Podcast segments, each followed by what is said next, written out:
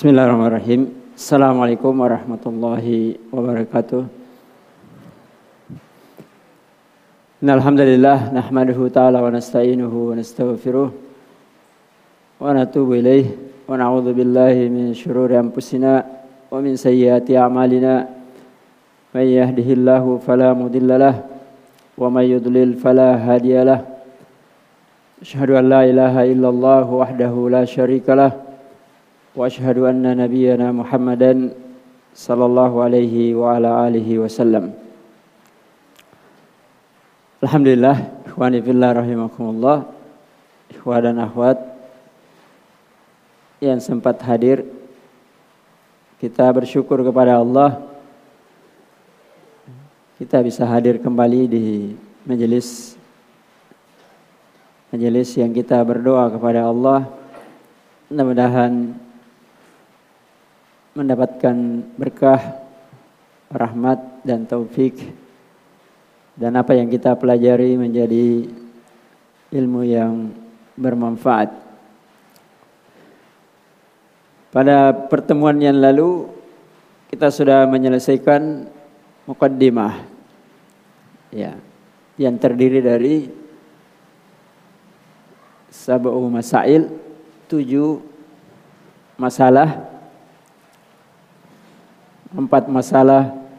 Yang pertama, tiga masalah. Yang kedua, kemudian ditutup dengan pengertian tentang makna Al-Hanafiyah, yakni millata Ibrahim. Sekarang kita masuk pada maudu, artinya inti pembahasan isi atau kandungan dari kitab ini sesuai dengan judulnya. Salah satu usul atau al-usul as-salasa. Itu intinya yaitu isinya. Kemudian beliau rahimahullah merubah uslub cara penyampaian. Karena ini tertulis uslub dalam menulis. Kalau sebelumnya selalu didahului dengan doa. I'lam rahimakallah. Ya. Atau i'lam arsyadakallah li ta'atihi. Maka sekarang dirubah. Fa idza qila lak kalau kamu ditanya. Karena yang dibahas ini memang pertanyaan. Maka dia sesuaikan uslubnya. Kepada yang membaca atau yang mendengar, uslubnya disesuaikan dengan isi pembahasan.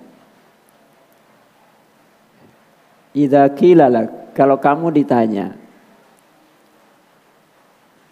mal al-usulus salasatu allati yajibu alal insani ma'rifatuha.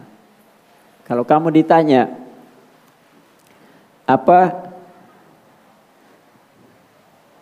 tiga pokok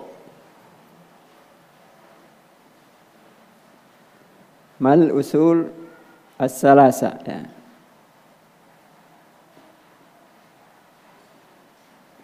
Apa tiga pokok? Tiga asas yang wajib bagi setiap manusia untuk mengetahuinya.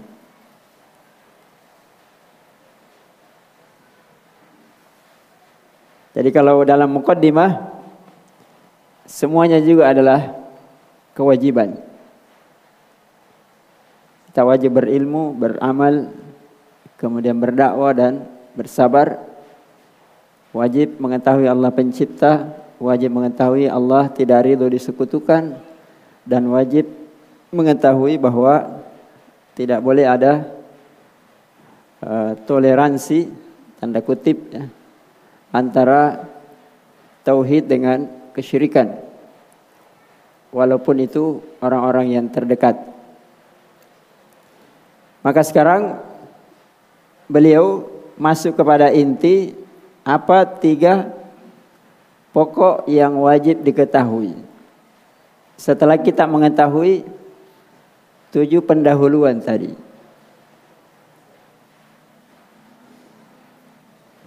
Pokok usul dari kata asal. Asal ya kalau ulama usul mengatakan asal itu usul itu artinya mayam bani alaihi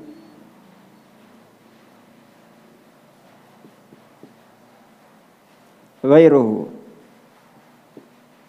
Itu namanya asal. Apa yang selainnya itu dibangun di atas hal tersebut. Jadi misalnya kita punya seperti ini masjid. Apa asalnya ini masjid? Yang dengannya dibangun padanya. Ya tentu kalau bicara e, bangunan Asalnya adalah pondasinya. Ya. Maka namanya pondasi apa yang nanti dibangun di atasnya gedung. Ya, tergantung gedungnya mau masjid, mau ruko, mau rumah. Semuanya punya pondasi. Pohon juga ada namanya aslus syajarah. Pokok dari pohon tersebut. Ya, batang pokoknya. Atau yang lainnya. Kalau orang beragama, apa asal pokoknya dia beragama? Yang dengannya dia bangun agamanya. Ya kan? Apa pokok yang harus dia uh, perkuat karena semakin kuat pokoknya maka semakin kuat bangunan yang dia bisa bangun. Kalau dia beragama semakin kuat pokok agamanya maka agamanya nanti semakin kuat dan kokoh. Jadi kalau bangunan pondasinya tidak kuat ya maka bangunan yang dibangun di atasnya juga nanti tidak akan kuat. Lihatlah kalau proyek awalnya yang bagus. Coba tunggu dua tahun, lima tahun, sepuluh tahun goyang. Nah.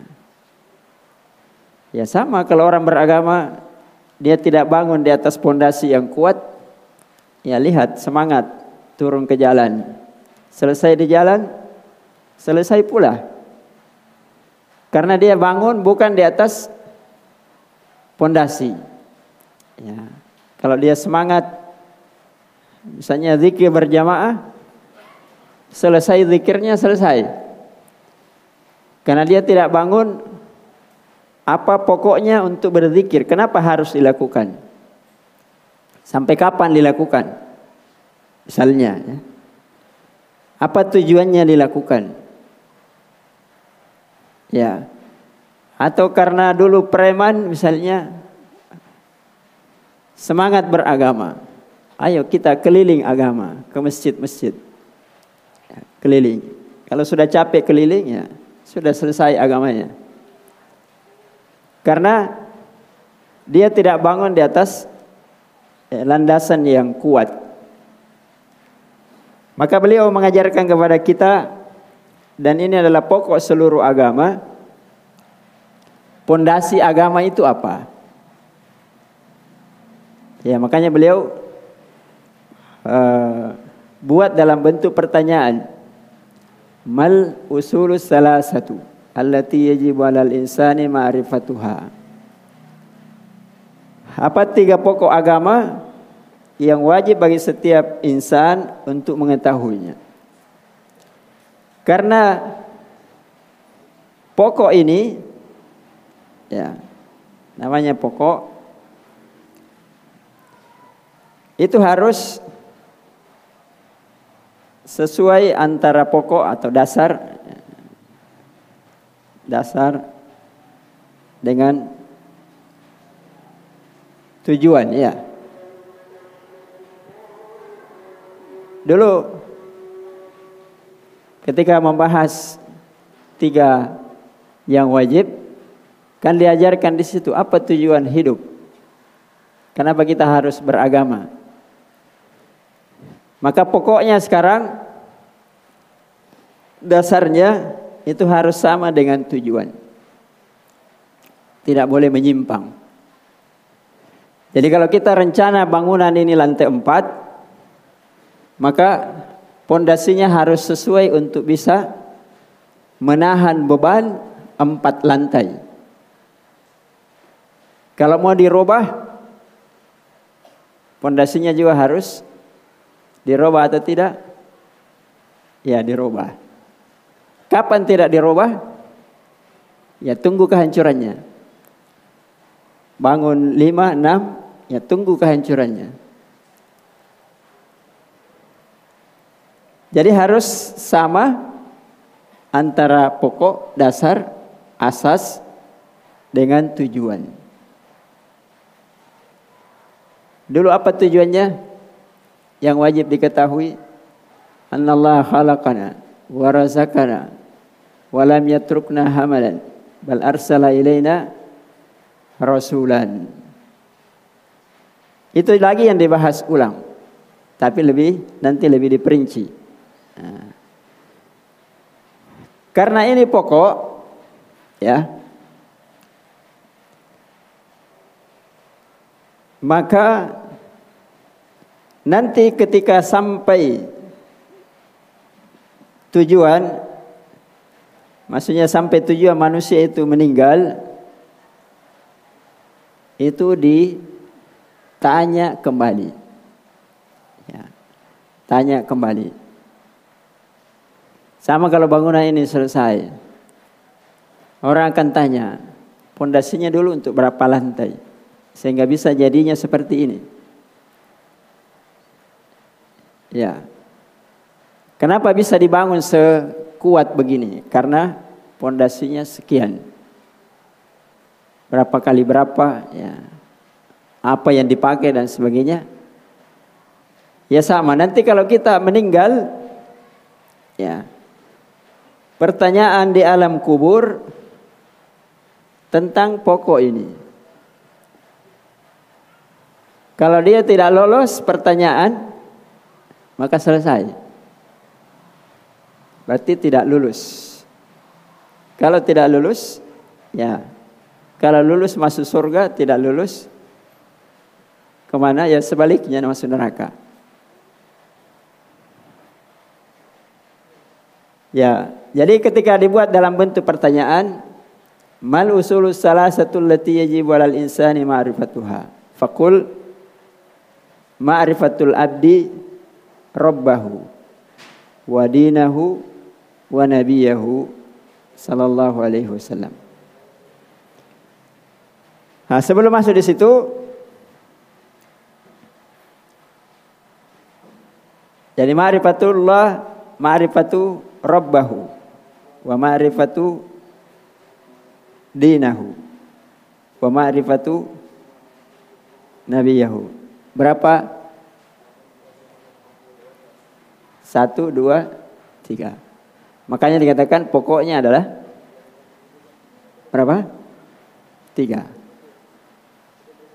Maka kita hidup, kita hidup sekarang atau sebelumnya juga sudah hidup, nah, sampai nanti mati, ujian kita hidup ini berputar pada tiga hal ini. Ya, kehidupan kita setiap kita bernapas sampai nanti berhenti bernapas, itu ujiannya pada tiga hal ini. Setiap saat kita ditanya, apa kita bukan ditanya ya, diuji. Diuji. Karena nanti hasil ujian itu ditanyakan kembali. Biasanya kalau kita diuji, soalnya tidak boleh bocor. Hah?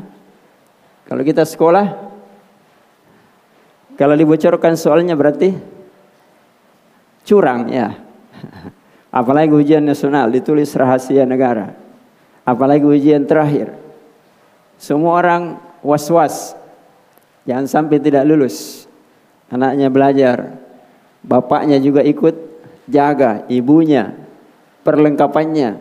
Pokoknya fokusnya belajar. Semua yang lainnya tidak boleh mengganggu konsentrasinya untuk ujian. Itu kalau ujian dunia. Padahal itu bagian yang sangat kecil dibandingkan dengan ujian dunia, apalagi nanti ujian di alam kubur. Apalagi nanti ujian setelah alam kubur di alam akhirat. Ya, nanti kita akan jelaskan sedikit. Jadi ini yang pertama ya dipahami tiga pokok. Karena tiga pokok ini semua agama itu pokoknya dibangun dari tiga hal ini. Agama samawi yang Allah turunkan mulai dari Nabi Nuh alaihissalatu wassalam sebagai nabi dan rasul yang pertama sampai nabi kita sallallahu alaihi wasallam semuanya dibangun di atas tiga landasan pokok yang sama. Cuma nanti agamanya syariatnya yang berbeda.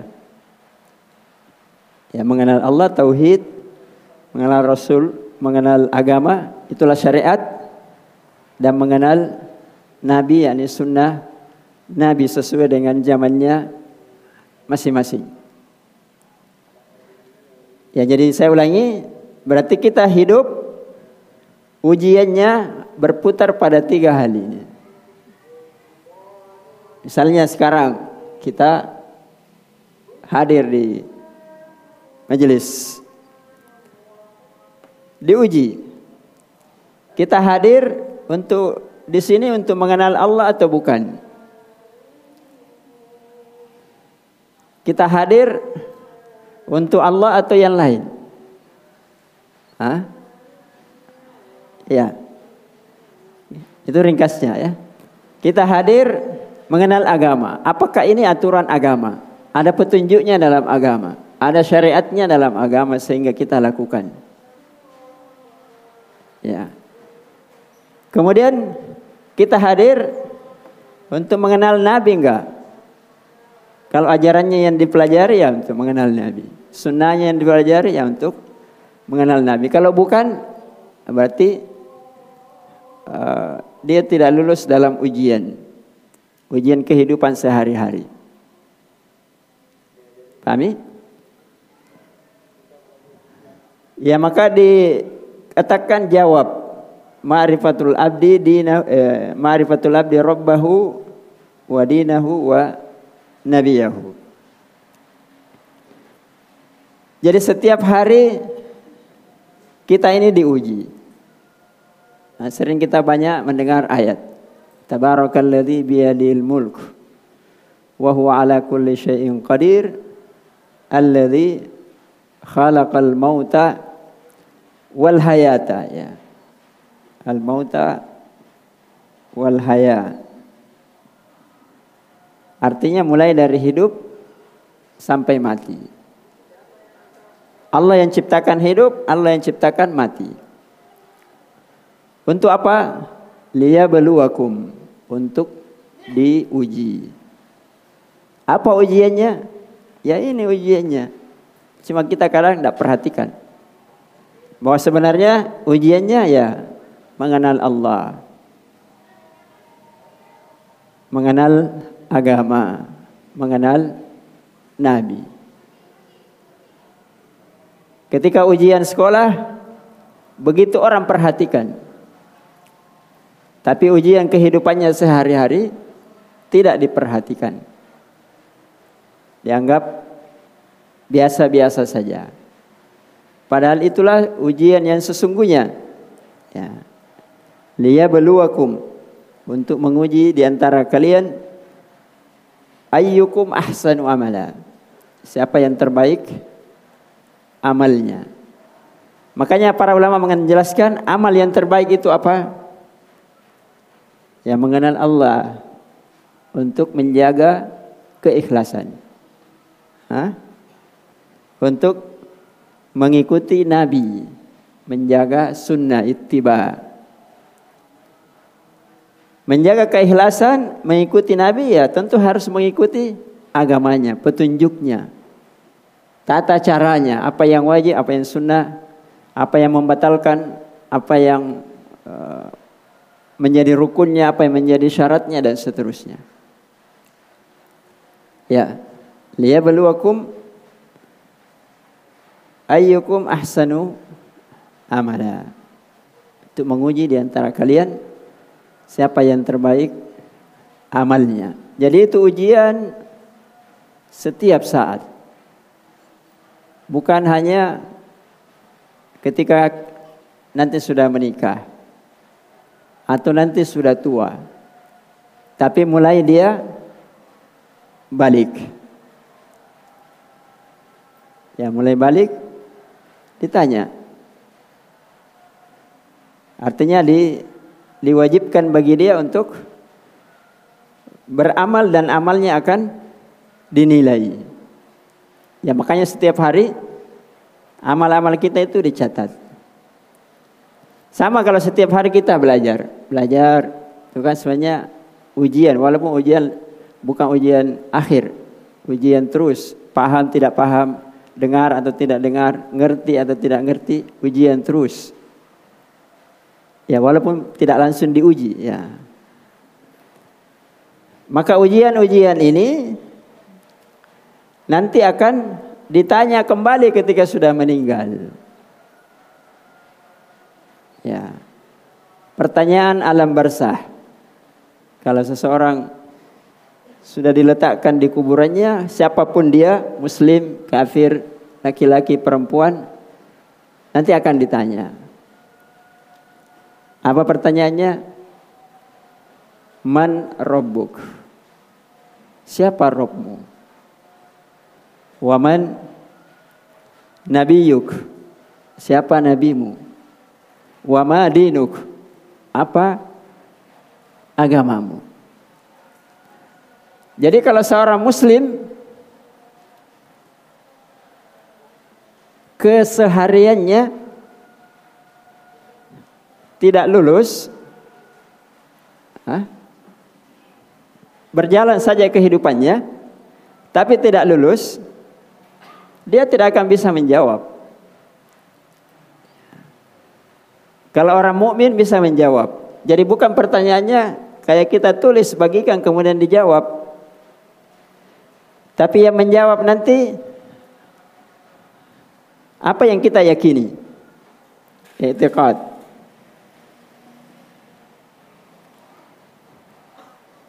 Apa yang kita yakini, itu yang menjawab. Kemudian apa yang kita amalkan, amal, itu yang bisa menjawab. Kalau ujian dunia kan yang penting orang paham, hafal atau ngerti bisa jawab. Dia amalkan ilmunya atau tidak, ya tidak masalah. Tapi nanti di alam kubur, alam barzah, sebelum alam akhirat, bukan mulut yang bicara, bukan tangan yang menjawab, bukan kaki. Ya, tapi keyakinan.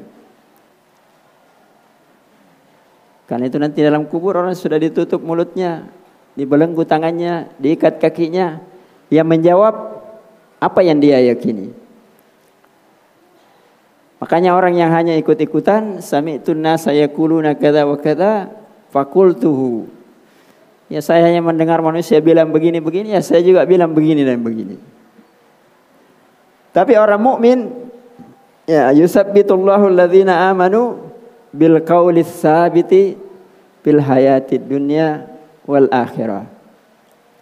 Kalau orang muslim Allah kokohkan ucapannya di dunia. Gambarannya begini ya.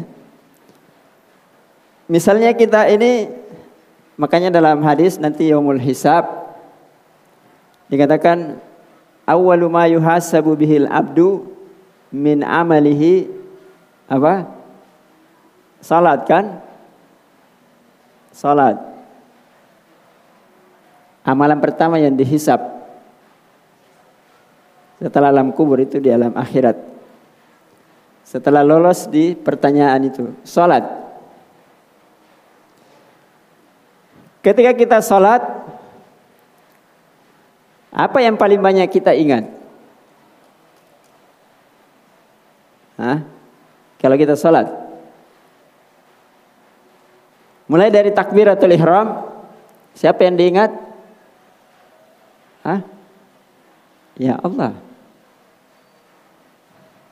Setelah takbiratul ihram kita baca doa iftitah. Tapi tidak usah itu karena bukan yang rukun. Yang rukun baca Al-Fatihah. Berapa kali kita ingat Allah? Alhamdulillahirabbil alamin. Rabb sebagaimana nanti akan disebutkan oleh Syekh dalilnya. Rabbil alamin. Ingat Allah. Ar-Rahmanir Rahim. Allah yang Maha Rahman dan Maha Rahim. Maliki yaumiddin. Allah pemilik hari kiamat, hari kebangkitan, hari perhitungan. Kemudian iyyaka na'budu wa iyyaka nasta'in. Itu semuanya terkait dengan Allah Rabbul Alamin. Ketika kita ruku, apa yang kita baca? Hah? Apa yang dibaca kalau ruku? Ya, subhana rabbiyal azim. Siapa lagi yang diingat? Allah. Ketika kita sujud, apa yang kita baca? Subhana rabbiyal a'la. Allah. Allah terus diingat. Jadi kalau itu mendarah daging dalam diri seorang muslim, insya Allah dia akan bisa menjawab pertanyaan ini. Ya, Allah, Allah terus. Allah terus, Allah terus dalam ibadahnya. Selain ibadah, selain ibadah. Kalau ini kan ibadah makhluk. Selain ibadah, bagaimana caranya kita mengenal Allah? Supaya nanti kalau ditanya tidak ragu menjawab. Tidak eh, apa eh, apa namanya? tidak taradud ini jawab ini benar atau tidak. Karena itu sudah menjadi bagian dari kehidupannya. Kita lihat masjid. Kita lihat air. Pokoknya apa saja Apalagi kalau belajar ya. Semua dari yang dipelajari itu intinya kembali kepada Allah. Wa fi ampusikum apala tubsirun. Pada diri kalian tidakkah kalian melihat? Ya apa saja yang kita lihat? Weh jari saya lima. Lima ini tidak ada yang sama. Ada yang sama? Tidak ada. Fungsinya luar biasa. Hah? Ada sedikit masalah, eh semua bermasalah. Apa saja yang diperhatikan? Yang kita lihat, yang kita dengar, yang kita saksikan, itu semuanya intinya kembali kepada Allah. Allah yang ciptakan. Inna fi khalqis samawati wal ard wa ikhtilafil laili wan nahar la ayatin liulil albab alladzina yadhkuruna Allaha Ya, karena dikatakan alladzina Allah. Jadi sesungguhnya pada penciptaan langit dan bumi, termasuk kita, manusia, hewan, tumbuhan, dan segala yang lain. Adanya siang dan malam silih berganti. Itu ayat bagi orang-orang yang berakal. Siapa orang-orang yang berakal? Alladzina Allah. Yang selalu diingat Allah. Lihat malam, yang diingat adalah Allah. Bukan yang diingat gelap. Hah? Bukan yang diingat misalnya sekarang hujan, bukan yang diingat banjir. Ya walaupun perlu diingat juga. Tapi bukan itu intinya. Yang diingat siapa yang menurunkan air hujan? Kenapa banjir seperti ini? Itu maunya Allah. Kenapa bisa banjir? Maunya Allah. Dan mungkin karena kita banyak dosa. Siapa yang diingat? Ya Allah. Alladzina yadhkuruna Allah yang selalu ingat Allah. Kapan dia ingat Allah? Dalam segala hal. Kiaman, wa qu'udan, wa ala junubihim. Rabbana ma khalaqta hadza batila. Nah, itu kan lambang uh, segala keadaan. Orang berdiri, orang duduk, orang berbaring, mewakili semua keadaan. Apa yang dia ingat? Allah. Ya makanya kita ini banyak lalai. Kenapa? Karena kadang bukan Allah yang diingat. Kalau hujan yang diingat istri. Hah? Ya bak boleh, tapi yang diingat dulu Allah. Karena harus, eh, perhatikan, ini asas beragama ya. Karena belum bagus agama, kalau bukan ini yang didahulukan. La yu'minu ahadukum hatta yakunallahu wa rasuluhu ahabba ilaihi mimma siwahuma. Belum sampai derajat iman yang terbaik, iman yang sempurna sampai menjadikan Allah dan Rasulnya lebih dicintai daripada yang lainnya dapat gaji. Apa yang diingat pertama kali? Ya macam-macam manusia. Ada yang diingat, oh, sebentar makan ini, sebentar traktir ini, sebentar beli ini. Kalau orang mukmin tidak dapat gaji yang diingat Allah. Tidak dapat gaji pun krisis yang diingat siapa? Allah. Tidak ada bedanya orang mukmin dalam segala kondisi. Makanya dikatakan ajaban li amril mukmin. Fa inna amrahu kullahu khair. Kapan itu baik orang mukmin? Ketika dia selalu ingat Allah. Bukan ketika didapat gaji lain diingat. Ketika tidak dapat kurang apalagi tidak jadi bukan juga Allah yang diingat. Pimpinannya yang didemo, pemerintah yang dicaci maki, segala macam. Tapi orang mukmin tidak. Selalu Allah duluan yang diingat.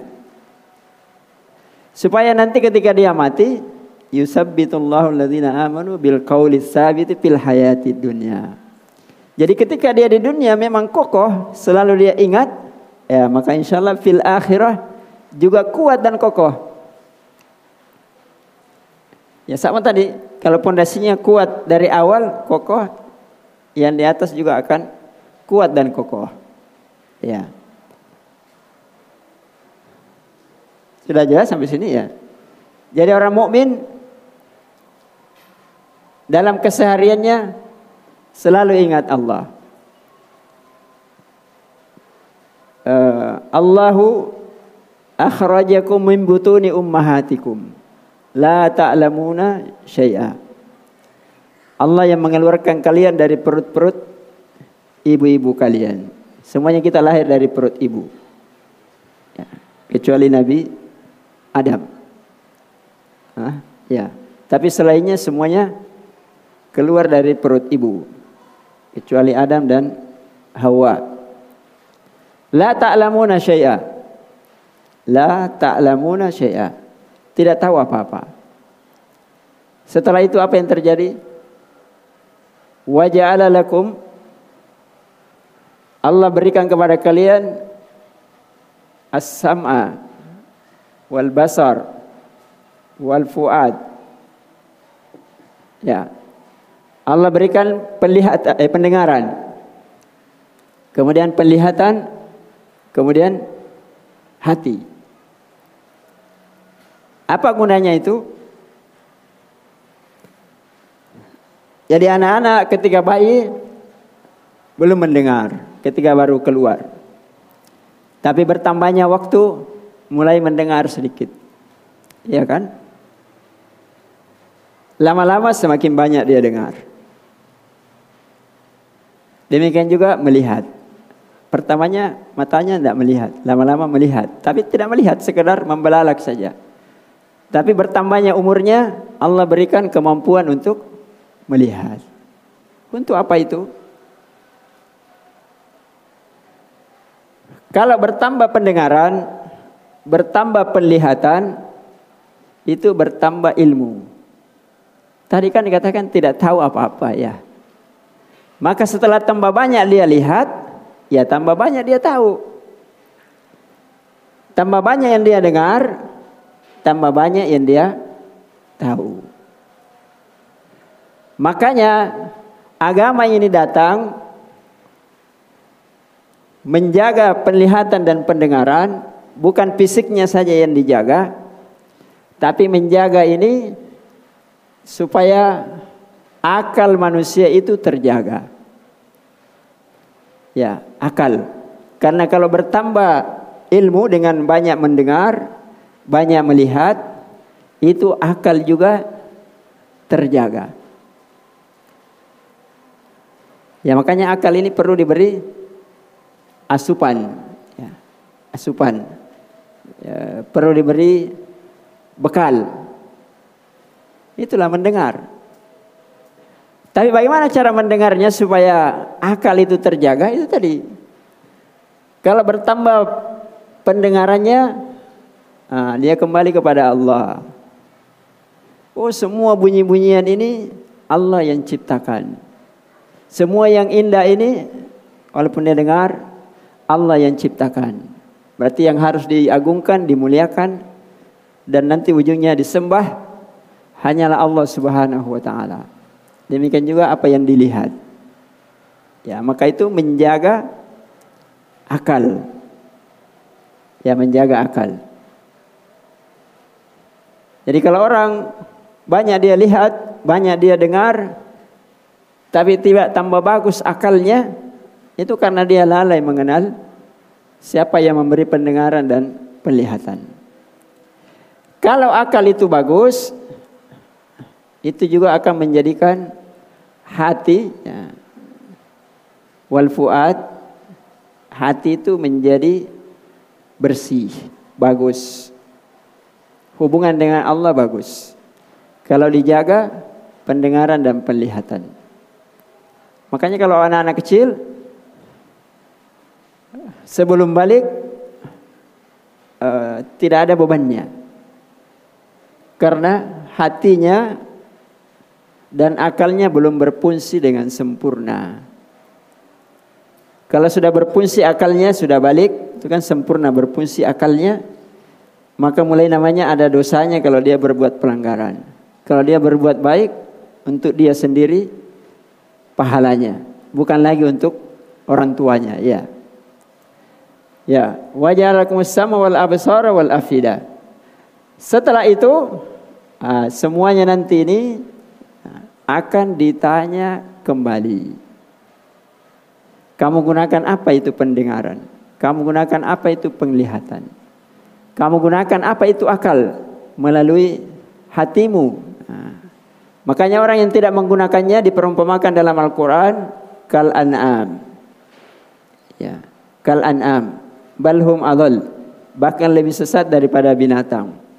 Karena binatang juga makan minum, tapi dia tidak berpikir, ya. Dia tidak punya hati seperti manusia, walaupun sebagian hewan ada yang punya perasaan ya. Tapi perasaannya tidak sama dengan manusia. Kenapa mereka dikatakan se e, seperti binatang? Karena mereka lahum ayunun la yubsiruna biha. Punya penglihatan, penglihatan saja, tapi tidak dipakai untuk melihat. Dari sini lahir nanti akan di lebih jelas ya kalau kita masuk poin yang pertama ada namanya tadabbur dan tafakur. Tadabbur dan tafakur. Apalah ya tadabbarunal Quran. Am ala kulubin akfaluha. Apakah mereka tidak mentadabbur Al-Quran? Atau hati mereka yang terkunci? Karena mentadabbur itu membuka hati. Jadi kita disuruh mentadabbur Al-Quran. Al-Quran itu ayat, tapi ayat yang dibaca. Tapi bukan sekedar dibaca. Ya. Karena itu kalau pendidikan kita hanya tahfiz saja, ha? hanya tahfiz. Alhamdulillah sekarang menjamur di mana-mana tahfiz. Tapi itu bukan tujuan utama. Karena tidak ada gunanya Al-Quran kalau hanya dihafal. Tidak ditadabur. Tidak akan membuka hati. Yang membuka hati itu kalau ditadabbur Al-Qur'an sehingga bisa melahirkan ini tadi i'tiqad. Kita meyakini dengan benar sehingga kita bisa mengamalkan dengan benar. Sehingga nanti ketika ditanya di alam kubur bisa menjawab dengan benar. Ya. Tafakkur, ya tafakkur dari ayat-ayat kauniyah. Seperti tadi, siang, malam pada diri kita ini dipikirkan. Tafakkur. Makanya para ulama mengatakan kalau ada musibah, tafakkur. Apa yang salah pada diri kita? Apa dosa yang kita lakukan?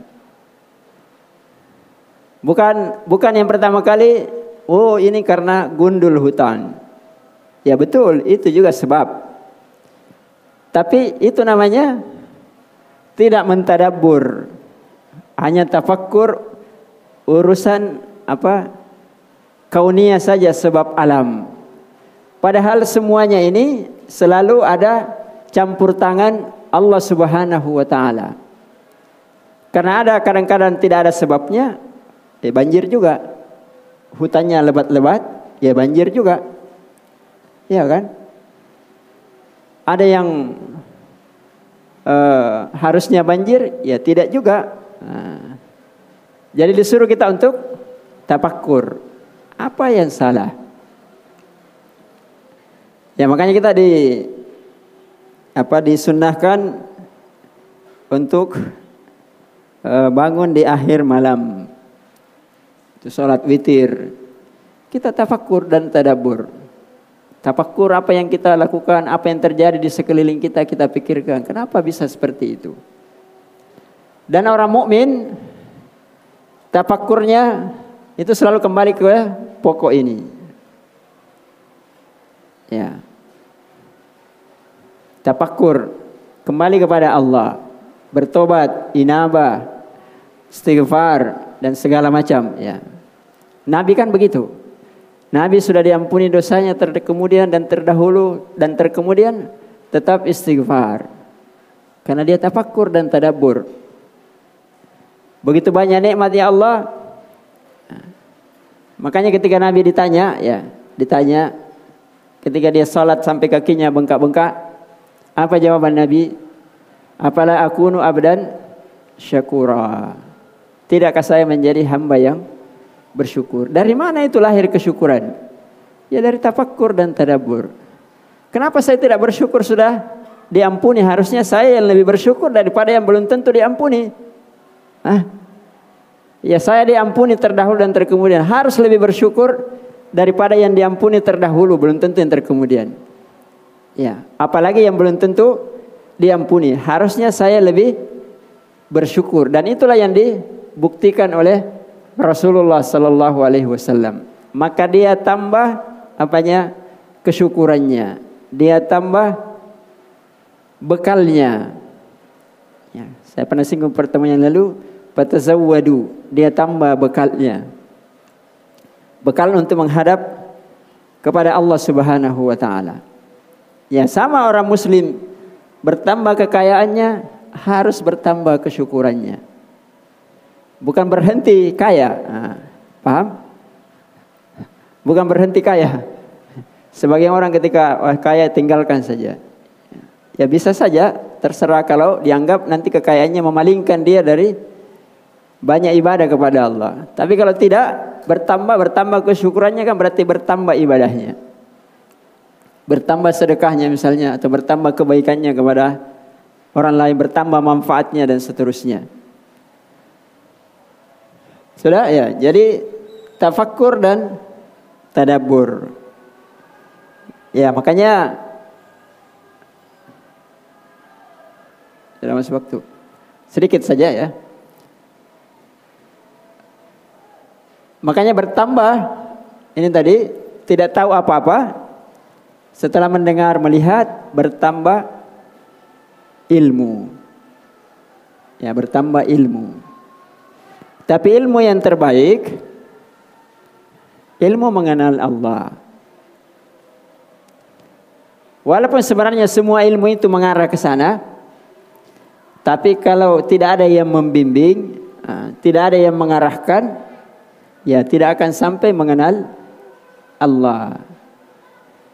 Ya harusnya orang itu menggeluti bidang apa pun semakin dalam ilmunya, semakin takut dan bersyukur dia kepada Allah. Karena semua ilmu itu datangnya dari Allah melalui ini tadi pendengaran dan penglihatan. Ya makanya ini perkara yang sangat penting. Siapa pun dia, orang kafir perlu diajari, perlu didakwai supaya mendekat dan mungkin kalau Allah mentakdirkan dia masuk Islam. Ya, saya kira cukup ya karena waktu. Insyaallah nanti kita akan bahas ulangnya. Sebagaimana di situ. Faida kila leka. Yang kelanjutannya kan. Setelah beliau tanya. Mal usulus salah satu lati yajibu alal insani ma'rifatuha. Fakul ma'rifatullah. Wa ma'rifatu eh, ma'rifatul abdi rabbahu wa ma'rifatu dinahu wa ma'rifatu nabiyahu. Kemudian ditanya lagi faida kila laka apa di situ? Hah? Ya, ini kan diulang kembali. Siapa Robmu? Kemudian beliau jelaskan. Nanti kita akan tambahkan sedikit supaya lebih jelas. Ya man Robbuka? Pakul Rabbi Allah alladhi rabbani wa rabba jamil alamin bi ni'amihi fahuwa ma'budi wa laysa ma'budun siwahu. Insyaallah pada pertemuan yang akan datang. Nah, Allah alam. Sallallahu alaihi wasallam ala nabiyina Muhammad wa ala alihi wa ashabihi wa man tabi'ahum bi ihsan la yaumiddin. Subhana rabbika rabbil izzati amma yasifun. Assalamu alal mursalin. Wa akhiru da'wana alhamdulillahi rabbil alamin. Assalamualaikum warahmatullahi wabarakatuh.